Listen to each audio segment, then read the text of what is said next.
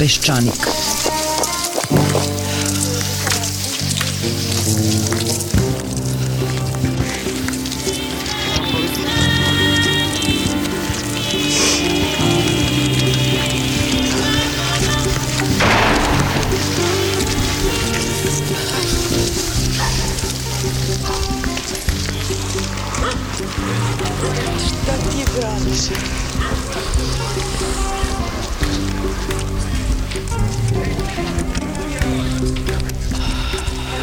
Peščanik.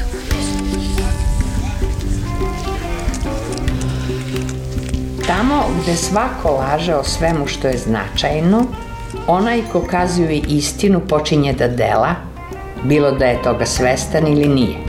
Tako se i on upliče u političku delatnost, jer u slučaju da preživi što nije sigurno, on započinje promenu sveta.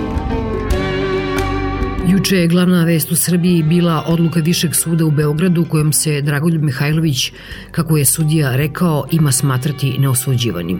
Sudija Trešnjim se uzalud ogradio tvrdeći da je to samo pravna ocena suđenja generalu Draži i da se sud nije bavio pitanjem da li on ratni zločinac ili nije. Međutim, mnogobrojna publika, maskirana u četnike, dobro je shvatila smisao presude. Skočila je na noge i ovacijama pozdravila odluku sudija. Jučerašnjem istorijskom trenutku za Četnike i ostale kolaboracioniste prisustuo je Vojislav Šešelj, predstavnici Srpske pravoslavne crkve, Aleksandar Karađorđević, kome je publika onda klicala Živeo kralj. A tu je bio i obavezni četnički džez standard od Topole pa do Ravne gore. Od najviših državnih funkcionera o presudi se izjasnio koliko sam videla samo Ivica Dačić, ocenivši je kao sramnu. Ove reči bile bi razumne, racionalne i prihvatljive da ih nije izrekao čovek koji celu svoju političku karijeru gradi na saradnji sa naslednicima Draže Mihajlovića, Milana Nedića i omiljenog četnika Šešelja Vučića i Nikolića Popa Đujića. Tako je makar bilo dok se ratovalo 90-ih u Hrvatskoj, kada im je himna bila šta se ono na dinari sjaji, Pop Đujića kokarda na glavi. Novorođeni Aleksandar Vučić se nije oglašavao povodom jučerašnje konačne sudske rehabilitacije. Neće ni sebe ni nas da podsjeće na svoju mladost, a i general nije u prilici da investira u Beograd na vodi, u otvaranje novih radnih mesta, a neće ni da kupi železaru. A i novi srpski četnici ga smatruju izdajnikom, počeo od Nikolićevog savjetnika Olivera Antića do Smilja Avramova i Koste Čavaškog, koji su svih ovih godina vredno radili na tome da jučerašnja presuda izgleda tako kako izgleda. Na sajtu Peščanika ima nekoliko tekstova o jučerašnjoj sudskoj odluci. Jedan od njih je i tekst koji je profesorska Vesna Rakić-Vodinelić napisala u vreme kada je počelo ozbiljno da se govori o sudskoj rehabilitaciji. Taj tekst je najbolji odgovor sudijema koje su juče pričale o ideološkom i političkom procesu protiv Mihajlovića 45. godine. A na početku današnje emisije podsjećamo na ono što je, kada je proces započeo, o Mihajloviću i Četnicima u Peščaniku govorila istoričarka Dubravka Stojanović. Evo, kao što vidimo, Draža Mihajlović će biti rehabilitovan. Znači, mislim, želimo opet da po hiljaditi put kažemo iste stvari. To je da moraju uvek da se ponavlja tih nekoliko podataka. Prvi podatak je taj čin kolaboracije koja je nedvosmislena od novembra 1941. u Srbiji. Ta kolaboracija je neprekidna i sve vreme što se tiče Bosne i Hercegovine, što se tiče Crne Gore i Hrvatske uglavnom sa italijanskim snagama, ali i sa bilo kim, kogod se nađe, prema tome uvek treba ponavljati da su četnici bili sa okupacionim snagama i u bitci na Neretu i u bitci na Sutjesci i uvek treba ponavljati da su se oni našli sa svim jedinicama okupatora, dakle i Nemcima i sa Bugarima i Nedićevcima i Ljotićevcima 44. kad su partizanske jedinice prešle iz Bosne i Hercegovine u Srbiju Ono što je takođe potpuno nesporno, to su ti ratni zločini i naravno da ovim činom rehabilitacije se ponovo otvara pitanje tih ratnih zločina i ponovo se kopaju ti rovovi, ti rovovi se kopaju u Srbiji prema svima onima koji su bili njihove žrtve, pre svega od samih Srba. Dalje se kopaju prema bošnjacima u Srbiji, dakle mi stvaramo dodatan problem u Sanđaku kao da nam je malo problema koje imamo. I stvaramo problem sa svim susednim narodima zato što su svi susedni narodi bili žrtve četničke klanja, počevši od Bosne i Hercegovine s naglaskom na istočnu Bosnu, dakle odmah preko puta Drine, u Hrvatskoj, pogotovo u Dalmaciji i u Crnoj Gore. Prema tome, tim gestom mi ne samo da pravimo užasan problem Srbiji, na što ćemo se kasnije vratiti, nego mi ponovo otvaramo taj problem prema svim susedima. Sada da ja ne bih stalno ponavljala ove iste stvari, dakle pod jedan kolaboraciju, pod dva ratne zločine, mislim da je najbolje da ja sad uzmem da čitam neke dokumente, možda će to onako zvučati strašnije od ovoga što ja govorim. Dakle, prvo što bih volala da čitam to su instrukcije Draže Mihajlovića Đorđu Lašiću i Pavlu Đurišiću Crne Gori. To su instrukcije iz decembra 1941. godine. Dakle, taman kada je krenula kolaboracija, kreću i ti ratni zločini i dakle ta instrukcija lično Draže Mihajlovića je sledeća. Piše ciljevi naših odreda jesu borba za slobodu celokupnog našeg naroda pod skiptrom njegovog veličanstva kralja Petra, Pod dva, stvoriti veliku Jugoslaviju i u njoj veliku Srbiju, etnički čistu u granicama Srbije, Crne Gore, Bosne i Hercegovine, Srema, Banata i Bačke. Po tri, borba za uključenje u naš državni život i svih neoslobođenih slovenačkih teritorija pod italijanima i nemcima, znači do granice Trst, Gorica, Istra, Koruška, kao i bugarske severne Albanije sa skadrom. Dakle, to je ta država. Pod četiri, čišćenje državne teritorije od svih narodnih manjina i nenacionalnih elemenata. Pod pet, sa komunistima partizanima ne može biti nikakve saradnje jer se oni bore protiv dinastije za ostvarenje socijalne revolucije.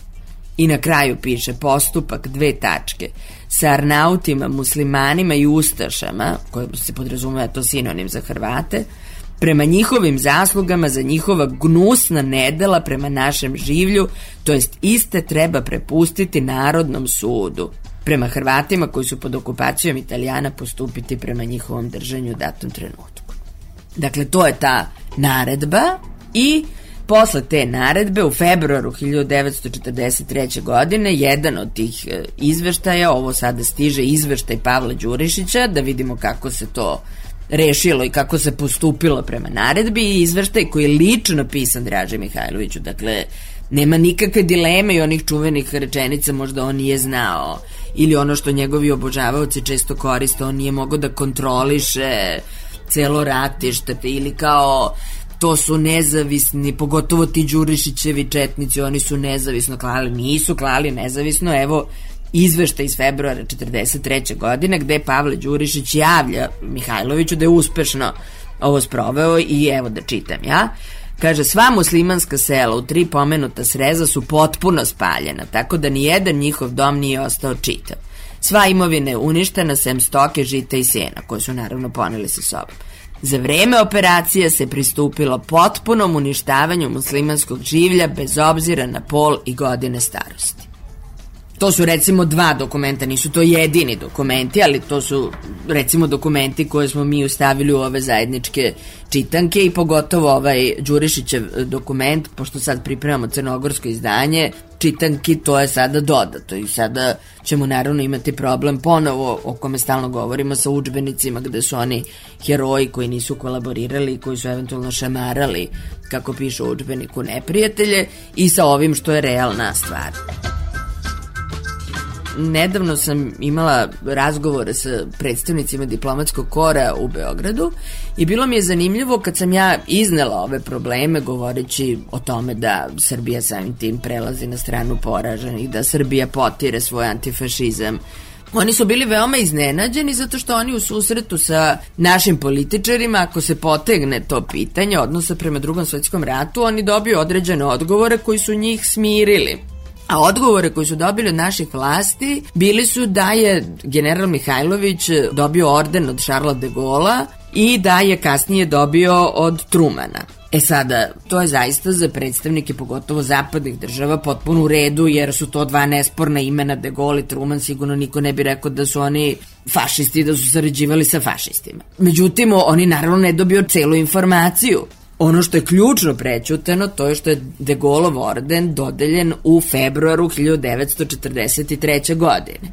Prva britanska misija je došla u maju 1943. godine sa Viljamom Dikinom kod Partizana. Prema tome, pre maja 1943. godine nije bilo ozbiljnih informacija o stanju na terenu, pogotovo što je to Bosna u tom trenutku i ko sad ima tačne informacije šta se tamo događa i tek su prve informacije o partizanskoj borbi i o stvarno ponašanju Četnika počele da stižu od tog leta 1943. godine. Prema tome, svaka čast De Gaulle, ali De Gaulle je imao stare informacije koje on pre svega dobio od vlade u Londonu koja je podržavala Dražu Mihajlovića i koja je saopštavala o tome da je on otprilike tu drži prikovane nemačke jedinice i da zato otprilike saveznici dobijaju rat. Prema tome, De Gaulle je prosto postupio po tome, ali informacije treba da stignu tek na leto 43. tek je zapravo konferenciju o Teheranu u novembru 43. raspravila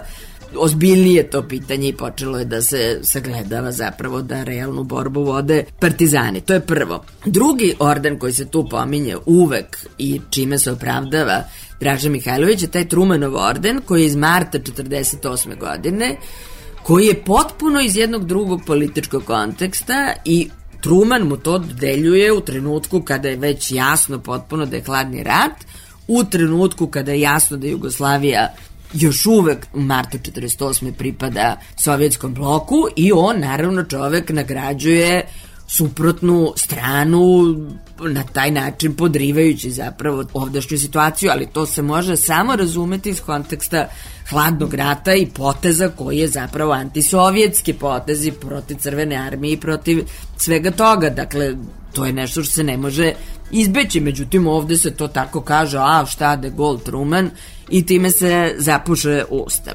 Više puta smo naravno pričali šta znači takav odnos prema četnicima. Ono što mislim da još jedno mora da se kaže, to je da je to samo jedan dokaz o tome da je ta ideologija u Srbiji pobedila. I ta ideologija jeste u Srbiji pobedila mnogo pre dolaska Slobodana Miloševića na vlast. Ona je nedvosmislenu većinu dobila već negde od 85. godine, od kad kreće one desetine tiraža knjige o Milutinu, to je već javno mnjenje potpuno prešlo na, na četečku stranu, da tako kažemo, već od 85. godine. Slobodan Milošević je došao na već formiran i primljen program, prosto kao njegov egzekutor. I mislim da je to ključno o čemu treba da govorimo, da ne treba da se sada pecamo s nekim detaljima iz drugog svetskog rata ili sa nekim datumima, pa će sad ovi njegovi obožavaoci da izvuku odjednom neki datum i da kažu da su četnici, evo, majke mi ubili tog jednog Nemca. Dakle, to nije nivo razgovora na koji treba ikada pristajati. Nivo osnovni razgovora treba uvek da vraća na kolaboraciju i na ratne zločine i pre svega na tu ideologiju. Dakle, to je za mene uvek ključno pitanje. Ideologija, ovo što smo pročitali sada malo pre ovim smernicama, To je ta koju su oni zvali Velika Jugoslavija, u kojoj je Velika Srbija etnički homogena ili etnički čista, zavisi koji su izraz koristili, koja obuhvata i opet onu nesrećenu severnu Albaniju, sada vidimo i Bugarsku, dakle nema kraja tim granicama i to je taj program koji je sada na delu, on se silom prilika, što bi rekli današnji rukovodioci, privremeno, jel, primirio, pa sad trenutno je smanjen na teritoriju Republike Srpske i severa Kosova, ali ja verujem da se oni nadaju da će se to vratiti na te stare ideje, stare granice. I zbog toga ovu rehabilitaciju ja vidim kao logičnu, ona je jedan kraj jednog procesa Taj proces je započeo 80-ih, prvo je rehabilitovana ideologija, a onda se krenulo kroz različite nivoje od tih skupštinskih odluka gde je skupština donosila odluke o istoriji, što je zaista skandalozno i pripada samo vrlo smešnim i autoritarnim državama a onda su naravno ono o čemu takođe neprekidno govorimo u Peščaniku promenjeni učbenici 2002. godine mi stalno o tome govorimo deset generacija, sad ravno deset generacija na taj način obrazovano i ova rehabilitacija je jedan prosto završni čin jednog logičnog puta. Od rehabilitacija, privatizacija, brisanskih sporazuma, koridora 10, koridora 11, južnih tokova, turskih tokova, nemamo više vremena ni volje da mislimo o milionima ljudi koji su u ovoj zemlji diskriminisani Zato što su invalidi, zato što su civilne žrtve rata, zato što su Romi, pripadnici LGBT populacije ili nacionalnih manjina. U drugom delu emisije govorit će četvoro ljudi. Biće vam jasno zbog čega se osjećaju građanima drugog reda u ovoj državi. Govore Dragan Pjevač, Borka Vasić, Abdullah Ahmedi i Boban Stojanović. Najpre Dragan Pjevač. Rat me zatekao u Topuskom, tamo sam živeo sa familijom. U sedmom mesecu 1991. godine ja sam sa porodicom došao u Beograd. Dolaskom snaga Umprofora u Hrvatsku, ja sam ovaj, se vratio nazad 92. negdje u januaru, misleći da je rat gotov. Međutim, to ovaj, nije bilo tako. Rat se produžio i trajao još četiri godine. I 95. godine u onoj koloni izbjegličkoj sam došao među zadnjima. 93. godine sam imao ličnu tragediju tako što je ubijena mi u medačkom džepu majka. Posle ove traume koju sam imao, to je definitivno najveća trauma, trauma moj život koja je i opredelila daljnu sudbinu i mene i familije i tako. 25.8.95. godine, nam, tačno na moj rođendan, je došla milicija, srpska milicija, dobar dan i ovaj, idete s nama na informativni razgovor, s obzirom da ja znam da me ne mogu lišiti slobode i tako dalje i tako dalje. Međutim, nisam verovao da se to tako može desiti. Jednostavno, normalan čovjek veruje u normalne stvari. Pokupljen, u ne znam ni koju policijsku stanicu sam odveden, nakon toga u Erdut, nakon toga šišanje i sve ono što je bilo tri mjeseca na Dravi kod Belog manastira. To je zaista jedna trauma koja je trajne posljedice ostavila na meni. Primjera radi, ja se svaka dva, tri mjeseca budim sanjajući da me neko mobiliše. I onda je to ovaj, definiralo i sudbinu da sam ja rekao, imao sam sina tada do 15 godina, da ga niko više nikada neće odvesti ako živ ostane. I onda sam aplicirao za Ameriku, izbjeđaki status, uspeo sam da 98. smo svi otišli u Ameriku i od tamo sam bio sedam godina, nakon toga sam se vratio. Tako da su meni sad sin, kćerka u Americi i dvoje unučića imam i tako. To je, da kažem, na taj način definiralo sudbinu moju dan danas, da sam ja pola sam ovde, pola sam tamo. Kažete mi kako su, da se vratim na taj događaj, kada su vas odali policijsku stanicu, znate možda kako su vas našli uopšte? Našli su me što smo se prijavili na Crveni krst, kao jedna normalna procedura. A kada ste otišli u Erdut, da li im se neko obraćao? Arka nam je držao govor, najprije kad smo izlazili iz autobusa, onda su tukli svakog drugog sudarili. Mene nije niko, ja sam stariji bio, pa ne mogu reći.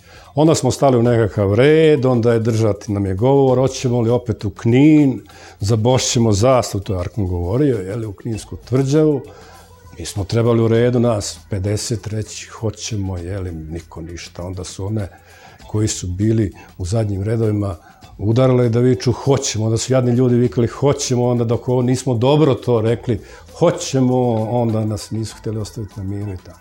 Tri dana smo tu bili dok nas nisu obukli, naoružali, neki su u Bosnu otišli, neki su otišli na ovaj, Dravu, ja sam otišao među ovima na Dravu i srećom je došao Dayton i onda smo nakon tri mjeseca kad su prvi počeli da, da ih puštaju na odmor kući, ja sam otišao i normalno se nisam više vratio, sakrio sam se na mjesec dana, ako bi slučajno ponovo kupio. Pa većina ljudi je normalno se vratila nakon Daytona, međutim ima i koji su nastradali, pogotovo i koji su otišli u Bosnu. Ja sebi smatram civilnom žrtvom rata. Zbog ove prinudne mobilizacije nisam dobio nikad ništa. Zakon postojeći u Srbiji ne, ne pokriva taj deo Srba iz Hrvatske, da tako kažem. Jednostavno mi se ne smatramo civilne žrtve rata po postojećem zakonu. I nema apsolutno odredbe vezano za prinudne mobilizacije, a inače, da se nama ne, ne znam šta desilo. Primjer radi, ja ne mogu ostvariti bilo kakvu naknadu zbog smrti moje majke, bilo kakvu materijalnu štetu, a ni nematerijalnu. Ja sam pokušao, odnosno mi kao porodica smo pokušali ostvariti naknadu materijalne štete u Hrvatskoj tužbom sudu. 2008. smo dobili prvostepenu presudu, pristojnu naknadu po žalbi njihovoj. Nakon haških presuda 2012. je vraćena ponovno na prvostepeni postupak, poništena je prvostepena presuda. Ponovo je presuđeno, ovaj put Prostepni sud donio presud da se odbija tužbeni zahtev i da sudi nam sudske troškove preko 10.000 evra, sad je to po našoj žalbi na Hoću da kažem da tako otprilike prolaze oni koji pokušavaju bilo šta ostvariti, a ovde apsolutno je to bilo šta nemoguće po tom pitanju vezano za tu najugroženiju, čini mi se, skupinu koja je nastala raspadom bivše Jugoslavije, to su ti nesretni sebe iz Hrvatske. Primjera radi e, vezano za, za moj lični primjer naknade bilo kakve štete za majku, ipak zahtjeva da to plati Hrvatska. Zašto Srbija to ne traži od Hrvatske? Pa zato što bi ovaj vjerojatno tražio nešto drugo. Zašto briselskim sporazumom nije, nije bilo govora o, o nestalima, o, o, o bilo kakvim civilnim žrtvama jedne i druge strane? Pa zato što to traži adekvatnu naknadu one druge strane. Kako se god olako ušlo u ratove tih 90. godina, tako se olako prelazi preko svih ovih posljedica ratova, a onda žrtve s jedne i druge strane ostaju uskraćene. I mi smo jednostavno na tom nivou da u budžetu ima sredstava, primjera radi, za nacionalne penzije određenih pjevača zabavne narodne muzike po 500 evra, dan danas dobivaju to, a onda nema za ove. Prema tome, mi jednostavno u ovome društvu moramo znati šta je prioritet, šta je odgovorno, šta je obaveza. E, recimo imamo civilne e, invalidnine koje su diskriminirane odnosno na vojne invalidnine.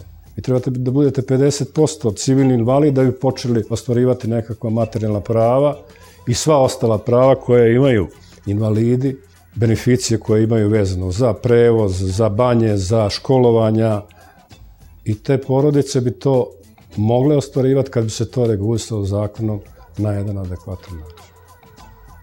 Rat je skupa stvar i svi oni koji su na neki način, a ne na neki nego odgovorni za ovo, moraju biti odgovorni za ovo. A gledajte, ovo je teška tema. Rat. I sad i vi imate recimo e, ljudi kad prate ovu temu, teško ćete nekog zainteresovati, ja možda sam sebe prebacio na drugi kanal da ne gledam to. Ali je to nužno. To je nužno za ozdravljenje ljudi, nacije. To je, to je nužno da mi jednostavno ne, ne ulazimo danas sutra u tako nešto. Niko ovdje nije izračuna koliko je taj rat koštao.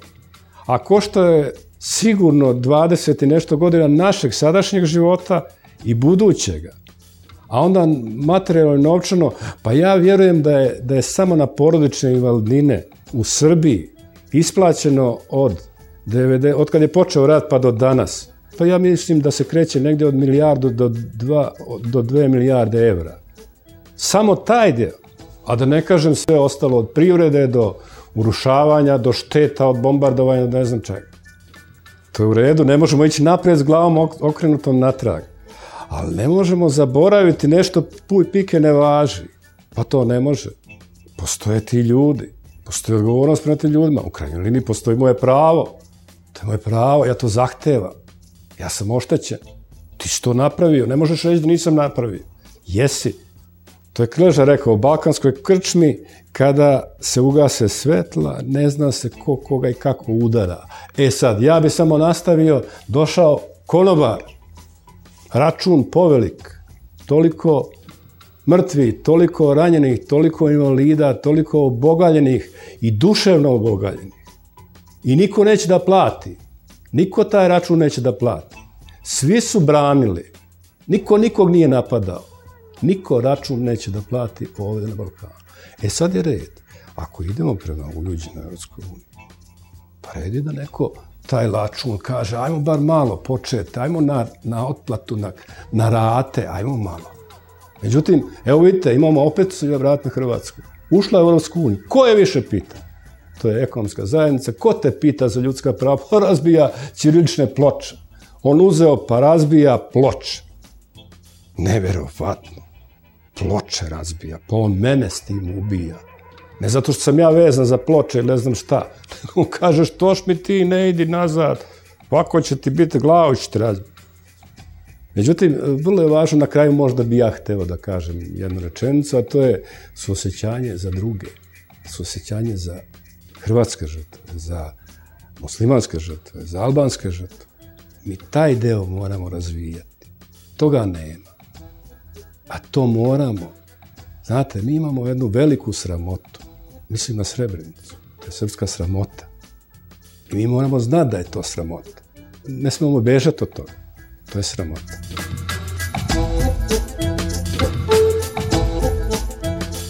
Pa rodila sam se u Novom Sadu.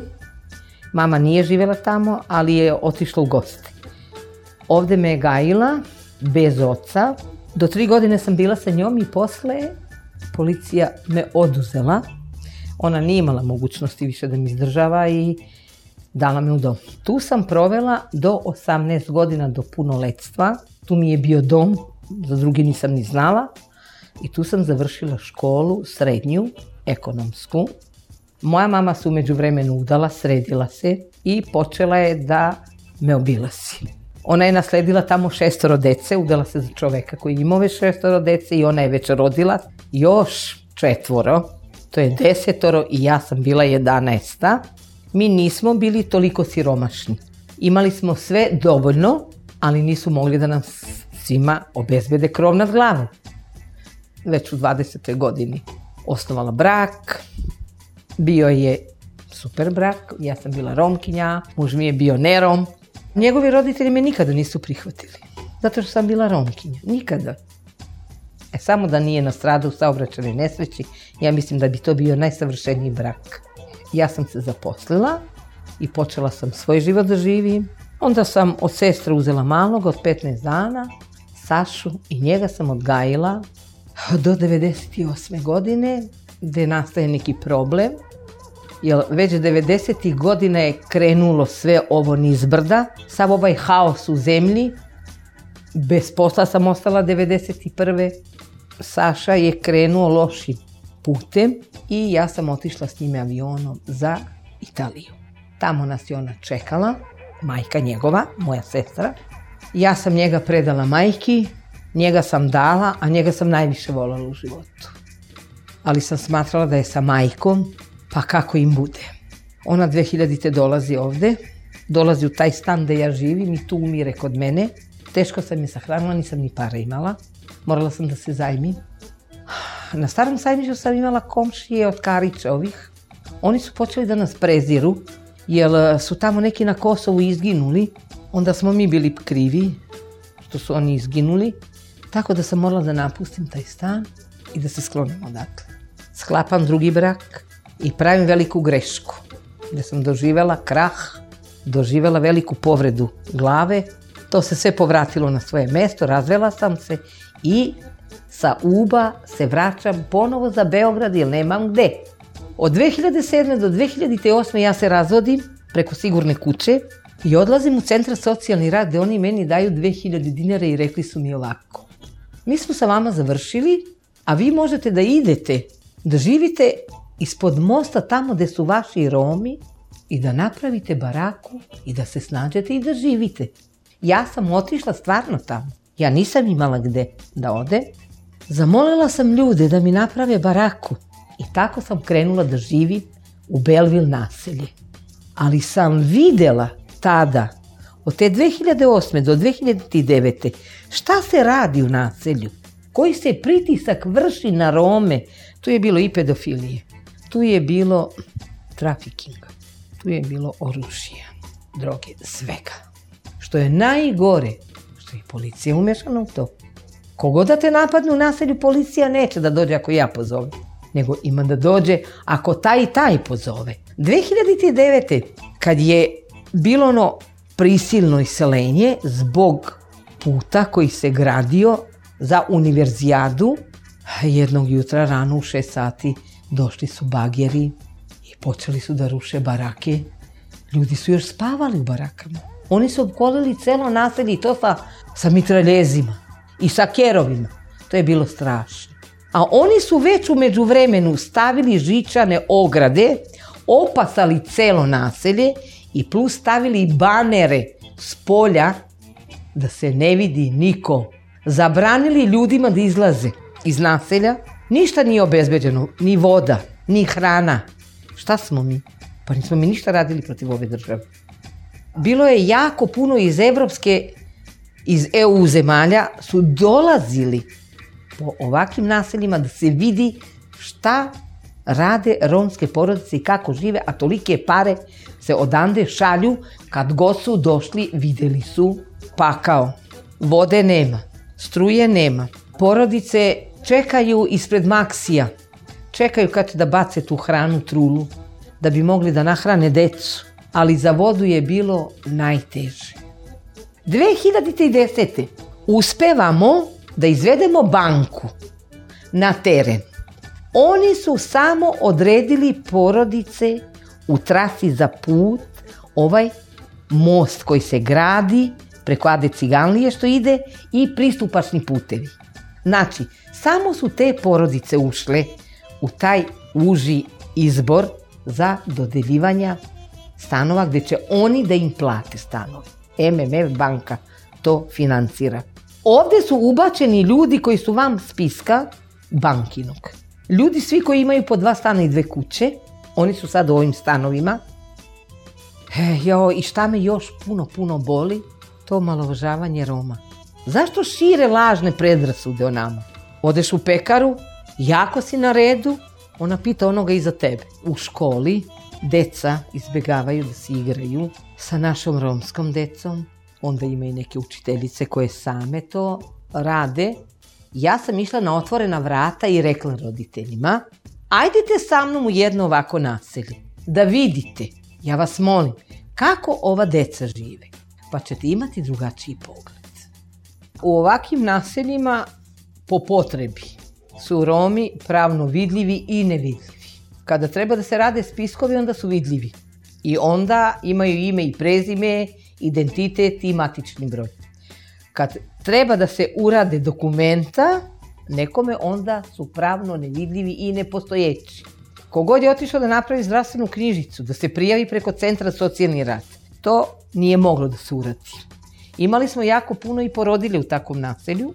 Ta se dešavalo.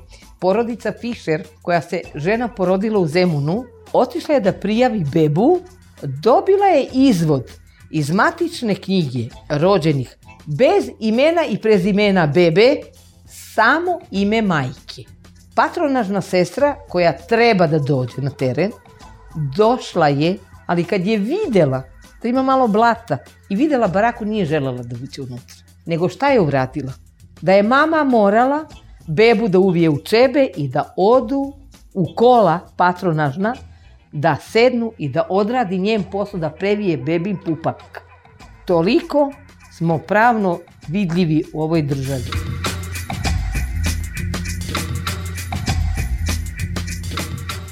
Rođen sam u Preševu. Kad sam ja krenuo u prvi razred imao sam šest godina. I idem ja, moj otac i učitelj, kod pedagoga, tu je direktor. Na tom trenutku ovaj pedagog mi izbaci neku novinu koja je tada bila Rilindije iz Kosova i nešto piše Kosova republika, nešto ono, na albanskom. I ja samo stajem i gledam ono, čalitu, da li da ja ovo sad čitam, posle tada uhapsili ljudi i to je nešto. To je 91. godine. Ja krenem da plaćam. Na, na jednom trenutku ovaj učitelj se seti i kaže makni tu novinu, daj nešto u knjige. Ali kad je rad zvanično počeo, ja sam bio semi maturat. Znači, bilo potpun prazan grad. To što najviše vidiš, to je vojska, to su Arkanovci. Mislim, ne vidiš ljude. Većina su izbjegli u Makedoniju. Ja mislim da pre završetka tog bombardovanja sporazuma ljudi su krenuli da se vraćaju, pošto su videli da izgubili su posao, pošto su morali da se jave svaki dan. Onda je bio problem da izađeš van Preševa, treba ti specijalna dozvola od policije. Znaš da se dešava neki rat u blizinu, ali imaš doživljaj da se dešava u Preševu. I kao završi to sve, treba da upišemo gimnaziju u Preševu. Kada su zatvorili svi škole na Kosovu, jedina škola gde se učila albansko je bilo gimnazija u Preševu. I okej, okay, to ide gimnazija, to je sa tim problemima. Učbenici, to posle rata te krene naš konflikt, pa krene Makedonija. I sad kao i mi smo doživali te tri rata i onda idem ja na Kosovu, u Prištinu da upišem faks. Mislim ja kad bi bio toliko hrabar, što nisam, da ono kao te, tražim da idem u Beograd na studije, verovatno ne, ne bi mi dali roditelji. Ne završavam faks u Prištinu. Stignem u treću godinu i krene problem sa diplomama. I dalje su bile te unmikove važeći dokumentacije. Onda ja im uzmem certifikat i trans, ono, vršim transfer u nekom Nikola Tesla fakultet u Beogradu i završim četvrti godinu i dobijem diplomu koja je priznata. I odjednom Kosovo postane država, proglašavaju držav, nezavisnost, prave svoju dokumentaciju na kojoj svuda piše Republika u Kosovo. Srbija donose odluku da ne prizna više ništa toga, pošto je to neka UFO država. Tako da ako ideš u biro za zapošljavanje, u kancelariju da tražiš koliko ljudi imaju sa fakultetom, nisu zaposleni u Prešavu, neće da dobiješ tu informaciju, pošto su oni ono, registrovani sa srednjom školom jer to se ne priznaje. Dolazi posle to Bruxelles, ono, ovo, sporazumi koji su ono, na papiru. Na primjer, ja imam kosovsku diplomu, idem na tom birovu, dajem im diplomu kosovsku, plaćam neku taksu i ta diploma ide u Brisel, iz Brisela se vraća u Beograd, Beograd to prizna, pa vraća u Briselu, pa Brisel vraća tebi na Kosovo, pa Kosovo te zove tebe, je stigla ti je nostrifikovana ili ne znam šta. I onda ti uzmeš tu diplomu i dolaziš na, u Srbiju da se zaposliš, kao je priznata, i onda dolazi Vučić na vlast. Ustavni sud to preglašava neustavno i onda to je džabe. Otišlo to, te diplome se više ne priznaju. I onda krene problem oko ove pregovore sa Europom i mi čekamo sada kako, šta ćemo sa tim diplomama. I onda ja mislim da su doneli neku odluku da dok se ne nađe neka bolja rešenja, ove koji su već certifikovani po tom sistemu Priština, Brisel, Beograd, Beograd, Brisel, Priština, samo to koji su već prošli taj proces mogu da postane tu dok se nađe neka bolja rešenja. Ne priznaju se knjige iz Albanije, ne priznaju se, to je počeo sa problem, ono, reforme. Ti praviš program da ne možeš da nađeš knjigu negde. I onda ti uzmeš knjigu iz Albanije i kažeš, evo ovo je isto. Ali to ne može da se koristi, pošto to treba da ide u ministarstvo, pa ministarstvo da vidi da li je to knjiga okej, okay, pa da li se tu Srbi ubili Albanci ili Albanci Srbi i onda ne dobiješ knjigu. Taj problem kao hoće da se rešava, tako da se osniva nacionalni savet. I onda nacionalni savet nađe knjigu koja za prvi razred albanskog jezika gde se uče slove, kao knjiga koja je napravljena za Albanci van Albanije. Znači, na slovu D, na albanskom je Duros, na srpskom je Drač, grad u Albaniji. U tom knjigu stoji ti slika Drača. Ovi ukinaju to i stavljaju sliku Niša. Tako rešavaju problem. Ili na, na slovo F, to je flamur, zastava. I tu stoje neki ljudi sa zastavama, razni razni. Ovi ukinaju ono albansku i kosovsku. Pa ne ovaj diskriminaciju, imaš svaki korak. Vučić ide na Kosovo, prolazi preko Preševa, ne staje u Preševu. Ako je to deo svog države i prolaziš pre, ispred opštine, imaš nekog gradonačelnika koji plaćaš najskuplje u Srbiju. Znači, više od svoju platu dobije od tvog budžeta. Ne od tvog, od našeg budžeta, ali ti odrediš to. I ti ne staješ da pitaš, e, kakav ti je problem? Što si ti takav, što ne radiš? dolaze izbore, uhapše se deset ljudi za ratno nešto i onda za dva godina oni su slobodni, nisu krivi za to. Treba da dobije Dačić neko ministarstvo, uhapšemo Albanci teroristi. Ili u školu prvog razreda dolazi ti profesor koji ne zna albanski da priča da ti preda srpski. A ti kamo, ono, učiš slove na albanskom, kako ćeš da učiš na srpskom ako ti ne zna da ti objasni na albanskom? Dolazi Tadić, otvara nešto tamo granicu sa Makedonijom. To su Grci platili, pa mora da se otvara. Nije spremna, ali otvara se. I onda vraća se, pređe Preševu, ide u Bujanovcu. I u Bujanovcu ne uđe u kancelariju gradonačelnika, nego uđe u kancelariju koordinacijog tela. Telo koji radi za Preševo, Bujanovac i Medveđu, uzme pare za Preševo, Bujanovac i Medveđu, gde su zaposleni 400 ljudi iz Beograda.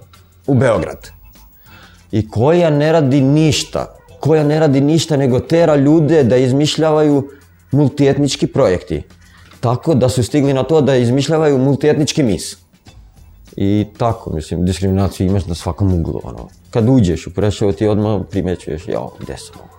Ono, kad vidiš, ono, da idu šest, ono, žandarmerijski auto. Odmah kreneš da, izmi, ono, da sumnjaš da je izmišljeno neki terorist, da je uhapšen neko pogrešno.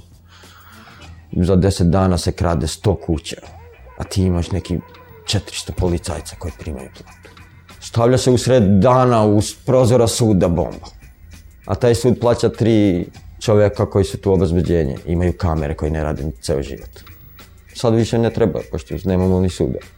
Otišlo. I kao dolazi OEPS, stvarat ćemo, završi konflikt u Prešavu, onaj mini rat. Kao Čović oslobađa Srbiju. Dogovorili su se ovi koji su kao amnestirali iz OVPMB, amnestirani su, ok, vraćaju se kući, pravimo multietničku policiju, pa oni uključimo u MUP. Znači, MUP se stvara od terorista. Hoćeš da čuvaš mir i red sa teroristima. To bi bilo ta objašnjenje. Mi u Prešovu imamo dva policije. Imamo policiju i multietničku policiju. U policiju su ovi bivši komandiri, šefovi, ono, Srbije. Znači, mi imamo policijsku stanicu. Imamo ih sto. I onda ovi koji su multietnički policajci, oni će da šetaju u, ono, u putu. Ne znam šta rade, bre. I dalje nije podela, i dalje te ljudi koji su u Prešavo, druže se, Albanci idu kod Srbi u kafić, Srbi dolaze kod Albanci, nije, nemamo taj problem, dok Bujanovac je tačno podelen. Uvek su imali odvojene škole, dok smo mi imali i zajedničko, ono, i u istom objektu imaš paralelu gde ti, ono, isto kao tvoja, preko puta, i tu uče Srbi, mi učimo ovde, zazamo se na odmoru i to. Ono, kad vidiš medije u Beogradu, to kao sve isto Preševo i to je Bujanovac Preševo, Medveđu, što bi rekao Vučić, ne smete da pričate u ime Medveđa, pošto tamo više nema Albanci. ali to kao tako se predstavlja, ali Bujanovac je totalno drugačija situacija. Kao dolazi neko iz Beograda pa vidi žandarmeriju kako šeta po gradu i kao wow šta je, a mi smo se navikli već 10 godina, tako i nama sad kao prolaze i idu. Kao građani, kao mi, samo što imaju oružje, uniformu, dress code. Znaš kako to ide, završiš faks, vraća se u Preševo, većina ostaju godinu, dva dok, ono, dok krene da im bude baš do ovde dosadno. Nemaju drugi izlaz i onda krenu neki na Kosovu. Ovi u Albaniji u poslednje vreme i ne vraćaju se. A i iz Kosova se vraća, ne vraćaju više. Ok, ok, ću ja još neki dan. I to te drži kao, e, ići ću ja nekad. I onda ti ostaješ tu, radiš. Mislim, ja stvarno ono, i dalje planiram da ostajem još malo. Ne znam zašto, ali nekako tako. Pa ja spadam u onu generaciju koja nije znala za reč gej. Negde sam upoznavao sebe kad i sva druga deca. Dakle, kad nekako kreneš u školu, pa onda kao ko ti se sviđa, pa ili ima tamo neka devojčica, onda ti vidiš da ti tu se nekako ne uklapaš, a u stvari ne znaš šta si. I negde u nekim tinejdžerskim danima u tom istraživanju sebe sve sam nekako išao tamo u Zaječarsku biblioteku, s obzirom da sam rođen u Zaječaru, tražio i sećam se nekih paranoidnih knjiga, tri su bile, zvale su se Psihologija deteta i mladih i tu se nešto kao pominjala homoseksualnost, homoseksualizam, homoseksualci, gde sam ja tražio jeli uzrok sebe samog. Tada nije bilo sem onog lika iz dinastije, nije bilo gej lika u seriji, nije, nije se znalo ko je pevač gej, nije se znalo ko je pevačica lezbi. Znači, dakle, ti prosto ne znaš ništa i niko ne postoji, ti znaš da je sa tobom sve u redu, a opet nekako ne možeš to da kažeš, jer zapravo ne znaš šta treba da kažeš o sebi. I to je sve bilo uh, ok do nekog trenutka kada sam se ja umorio u tom gradu. Ja sam imao neke 23-24 godine, završenu srednju školu, nakon koje sam počeo da radim u gradskom radiju i tamo sam imao, jeli, kao u nekom lokalu prilično dobru karijeru. Radio sam u Zaječarskom pozorištu, velikim delom sam to radio zbog svojih roditelja. I nekako bilo toliko stalo da ja dobijem konfirmaciju od, od mame i tate, da ja nešto vredim, da, jer ti već kad ulaziš u te neke godine, dakle pređeš 20 i tu sad nema opravdanja. Zašto nemaš devojku, kad će ta deca, sad zamisleno ja jedinac, pa još nisam hteo da služim vojsku, pa nemam devojku. Ja sam u stvari shvatio da se ja umaram od svega toga i da, da je sve to lepo, ali da je vreme da se ja nekako pomerim. I onda sam došao prešao u Beograd, imao sam sreću da sam počeo da volontiram kod žena u crnom, jer meni je tada to pitanje, kako se to tad zvalo, civilno služenje vojnog roka, odnosno pitanje prigovora savesti bilo krucijalno važno, jer se doticalo meni i radio sam najviše, najviše na tome radio i živeo u tamo jednoj maloj sobici koja, koja pripada jeli, to istoj kancelariji.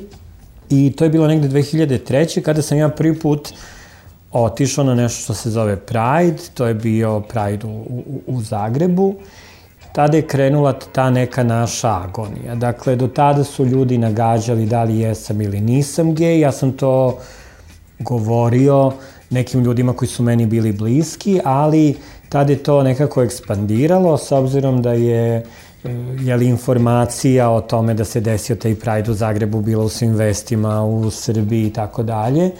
I onda sećam se da me majka zvala u ponedeljak, pitala me šta je, gde sam ja to bio u Zagrebu, šta je to bilo, ili ja to jesam, onda sam rekao jesam, ja sam to i tako dalje. Taj razgovor je trajao 40 minuta, bio je potpuno besmislen, e, završio se time da moj ujak, odnosno njen brat, više neće da me zove na slavu i da sad ona kad dobije rak, da znam da je to toga i to je tako, bilo vrlo, vrlo velika nekako agonija, ali se onda nekako desilo da je zapravo i gomila mojih dodat, dotadašnjih prijatelja i drugova promenila taj neki stav. I ljudi su imali tu potrebu da znaju jel ti jesi to ili nisi to? I tu se nekako meni, meni drastično uh, menja život. Prosto nije da ti oni okrenu leđa na onaj najbanalniji način, ali krenu da se javljaju neke distance, krenu da se javljaju neugodnosti, pa kao to gde ćemo na kafu, pa idemo negde gde je manja gužva, jer imaju utisak sad da svi znaju da ste gej, pa ćete ljudi videti i tako dalje. Ja to, moram da priznam, prepoznajem jedino još kod, kod e, ljudi, kod romske zajednice. Ta neka neugodnost, da se, da se bude sa tobom, jer nekako kad imate, ne znam, osobu sa invaliditetom koje se suočavaju sa jednako groznim stvarima, možda da kažem groznim, ali ne bih hteo da vršim tu vrstu koji ugroženi, ali nekako tu postoji empatija kao jao jadan čovek, jao jadan, pa nekako kao ti se opereš kad si sa takvom osobom u društvu, kao šta ću, eto, neće niko sa njim, ali kad si ti zdravi prav, a to si što je, e onda, onda to smeta. Sad nekako kao to je egzotično kad nabraš, kao znaš, kao dva put su mi napali stan u godinu dana, nacrtali mi kukasti krst, zalepili mi nalepnice, bacili mi molotovljev koktel, pokazali su mi kao koljemo te, dobacio ti ubi pedera i tako dalje. I to je kao nekako egzotično i, i od spolja. Ono što je meni najveća, kako bih rekao, cena koju osjećam u onom ne tako lepom smislu, je kontrola. I to je to, kad ideš ulicom i kao što me gleda, ko me gleda, ja živim blizu jedne gimnazije i onda tempiram sebi vreme kada oni nisu na odmoru. Ja se plašim te dece i ja sam se iz mog stana pomerio u stan koji iznajmljujem jer se prosto stan nalazi u jednom nesigurnom delu grada, gde ja prosto ne mogu slobodno da se krećem i ne, os ne osjećam se uopšte dobro i onda se baždariš kao kad na tamo 50 metara vidiš neku trojicu ti pređe s druge strane ulice, noću skoro da, da se ne krećem po gradu i kao onda ti to kalkulišaš, kao treba mi, ne znam, 1000 dinara za grad, a onda mi kao treba još, ne znam, 600 dinara, 700 za taksi ili i više. I onda se nekako ne osjećaš dobro u tome da ti u stvari shvataš da tvoje kretanje, tvoj ulazak u, ne znam, tržni centar je stalno pod nekom kako bih rekao, napetošću. Iskustvo ti pokazuje, znači svaki dan kad dočekaš kao dobro, juče se ništa nije desilo, juče sam išao na pijacu, ušao u radnju, prošao tri puta ulicom i ništa se nije desilo. Onda se pitam da, da li je viši smisao života da se zahvaljuš na danu koji si preživeo. Dakle, nisi ga živeo u potpunosti, nego si ga preživeo. U kojoj god da si ti situaciji, dakle, ti možeš biti i siromašan, i neobrazovan, i bolestan i ne nabrem neke stvari koje se gledavamo kao problem u životu. Ali ako ti imaš porodicu uz tebe, ako ti imaš prijatelja, ako se osjećaš tu sigur, sigurno, onda si ti okej, koliko toliko. Ali ako imaš strah od toga da će te svi oni odbaciti i da ti možeš da izgubiš i porodicu, dakle nemaš više ni svoju sobu, ni svoj krevet, ni svoj madrac. I ako se plašiš da će zbog toga da izgubiš posao, pa ne možeš to ni da iznajmiš sam. I ako se plašiš da će te ostaviti prijatelji, pa nemaš ni od koga da pozajmiš. Onda je to neko osjećanje duboke beznadežnosti.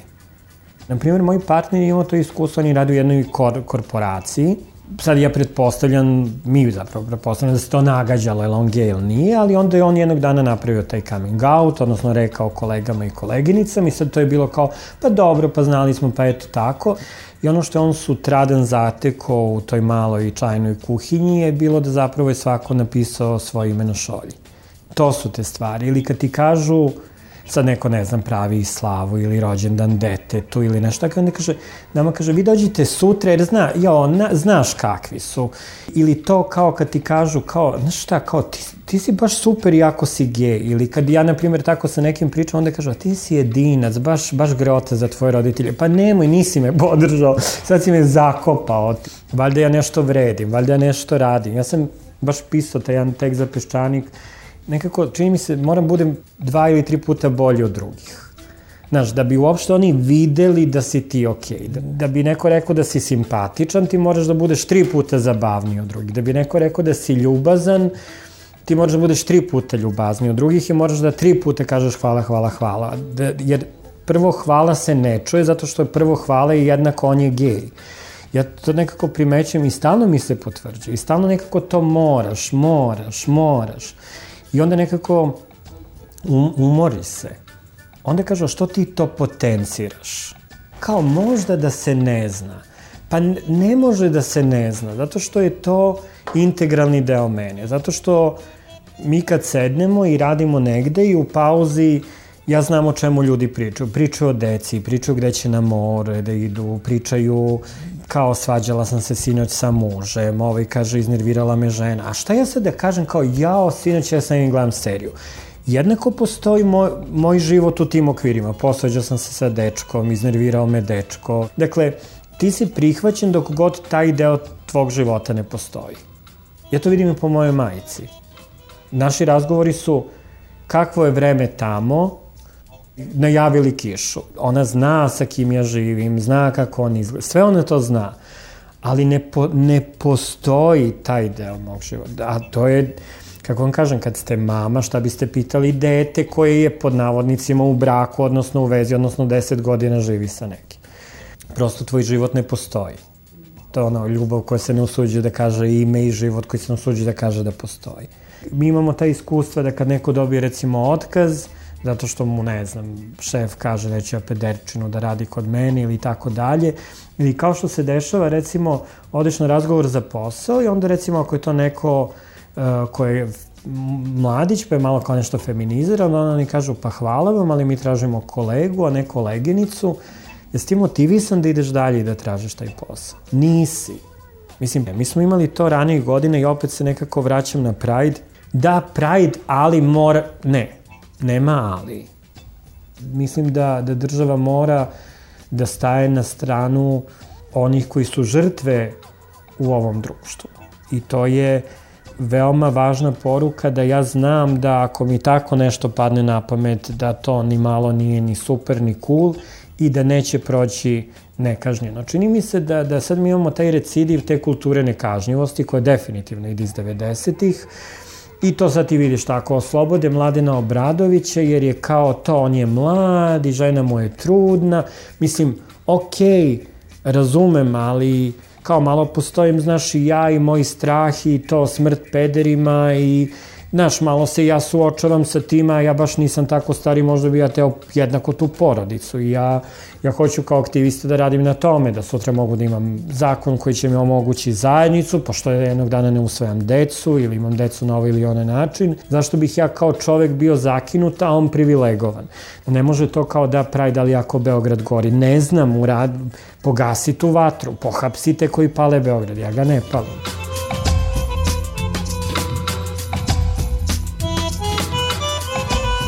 Bio je ovo još jedan peščanik, govorili su Dubravka Stojanović, Dragan Pjevač, Abdullah Ahmedi, Borka Vasić i Boban Stojanović.